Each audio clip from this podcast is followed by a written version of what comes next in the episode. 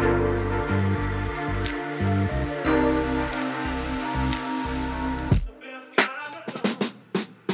8 Ocak Pazartesi sabahından herkese günaydın. Mikrofon başında ben Çağnur Coşan. Haftanın ilk gününde Aposto 6.30 bültenini aktarıyorum. Bu hafta özlemini duyduğumuz kar yağışını sonunda İstanbul'da göreceğiz. Meteoroloji Genel Müdürlüğü ve AKOM'un aktardığına göre hafta içi ilk kar yağışı gerçekleşecek. Meraklarına ve heyecanla bekleyenlere duyurulur. Ancak aynı zamanda oluşabilecek tüm şartlar için dikkatli olmanızı öneririz. Bugünün bülteni Fairy ile birlikte ulaşıyor. Türkiye'nin lider bulaşık deterjanı markası Fairy, enerji tasarrufu haftasında mutfaklarda tasarrufun önemine dikkat çekiyor. Ayrıntılar bültende. Türkiye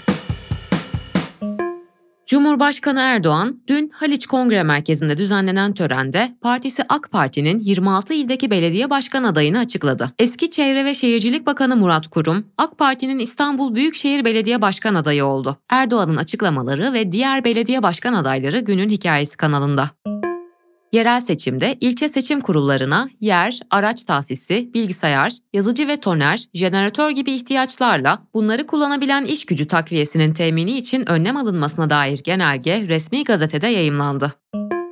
Ankara Cumhuriyet Başsavcılığı, Ayhan Bora Kaplan silahlı suç örgütüne yönelik 28'i tutuklu 61 şüpheli hakkında iddianamesini hazırladı. Suç örgütü lideri olduğu belirtilen Ayhan Bora Kaplan, silahlı suç örgütü kurmak ve yönetmek, 5 şüpheli de silahlı suç örgütü yönetmek suçundan yargılanacak. 51 şüpheli ise suç örgütüne üye olmakla suçlanıyor.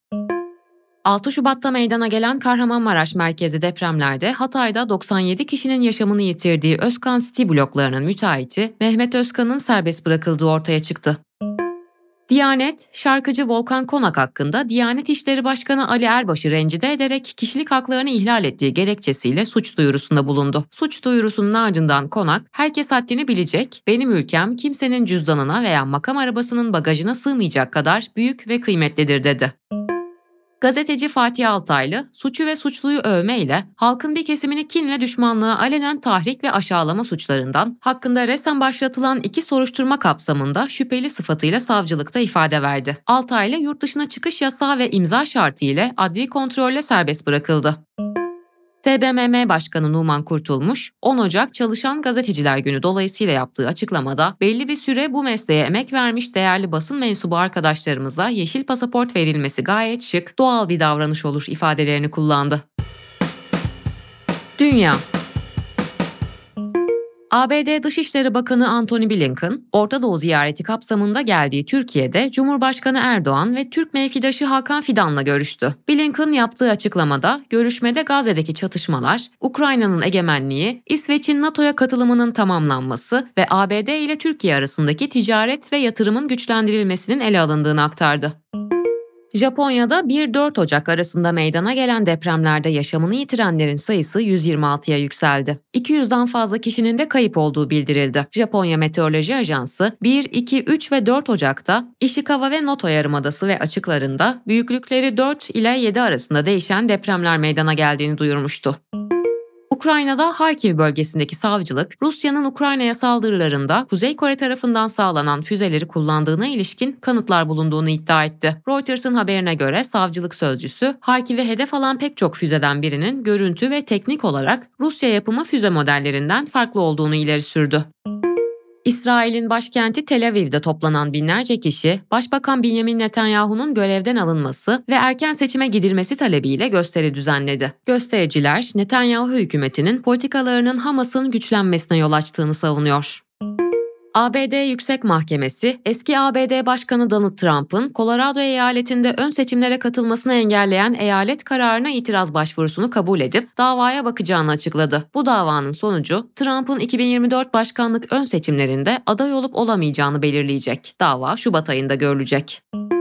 Avrupa Birliği Dış İlişkiler ve Güvenlik Politikası Yüksek Temsilcisi Joseph Borrell, Lübnan ziyaretinde İsrail'in Hamas'la savaşının Lübnan'ı bölgesel bir çatışmanın içine sürükleyebileceği uyarısında bulundu ve Orta Doğu'da bölgesel bir tırmanıştan kaçınmanın zorunlu olduğunu söyledi. Borrell, bu mesajı İsrail'e de gönderiyorum. Bölgesel bir çatışmadan kimse kazançlı çıkmayacak dedi.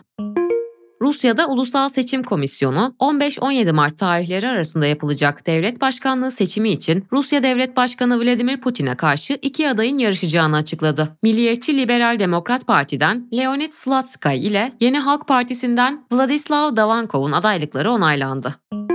Belarus Devlet Başkanı Alexander Lukashenko, kendisine ömür boyu cezayı kovuşturmadan muafiyet sağlayan yeni bir yasa imzaladı. Düzenleme aynı zamanda yurt dışında yaşayan muhalefet liderinin gelecekteki Cumhurbaşkanlığı seçimlerinde aday olmalarını engelliyor.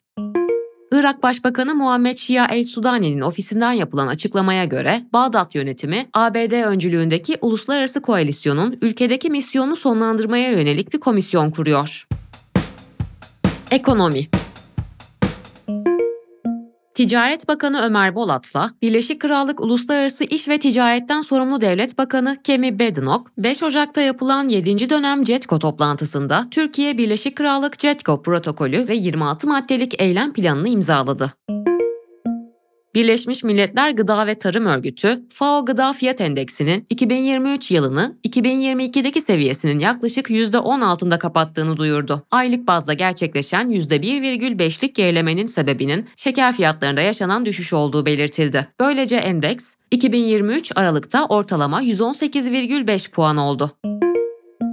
ABD'de tarım dışı istihdamda Aralık'ta beklentilerin üzerinde 216 bin kişilik artış kaydedildi. İşsizlik oranı da beklentilerin üzerinde gerileyerek 3,7 oldu.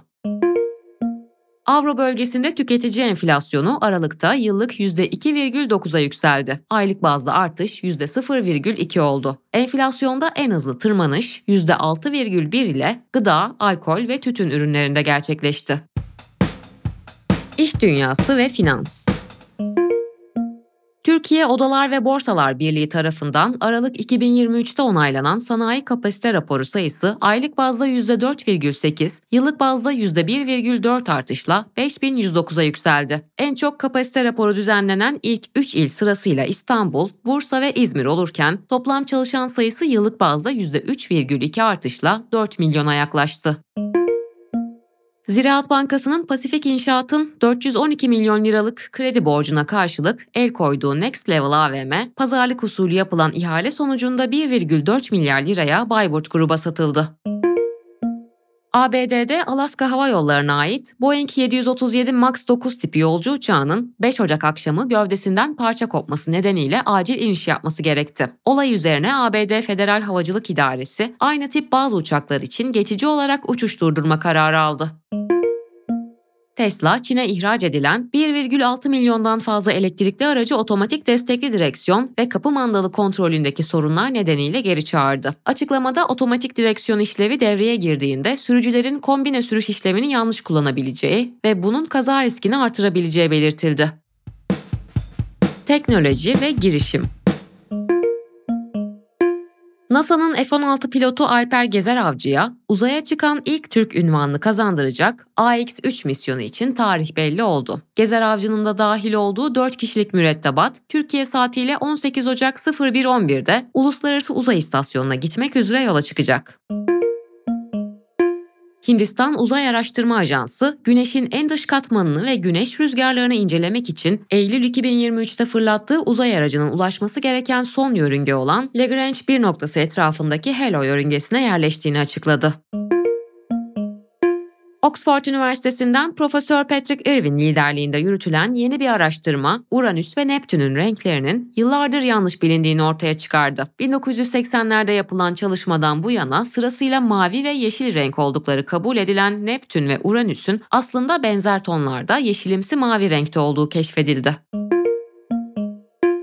İki yazar daha GPT büyük dil modellerini eğitmek için telif hakkı ile korunan eserlerini izinsiz bir şekilde kullandıkları gerekçesiyle OpenAI ve en büyük destekçisi Microsoft'a dava açtı. Yazarlar ihlal edilen eser başına 150 bin dolar kadar tazminat ve zararın tekrarlanmasını önlemek için kalıcı bir tedbir kararı talep ediyor.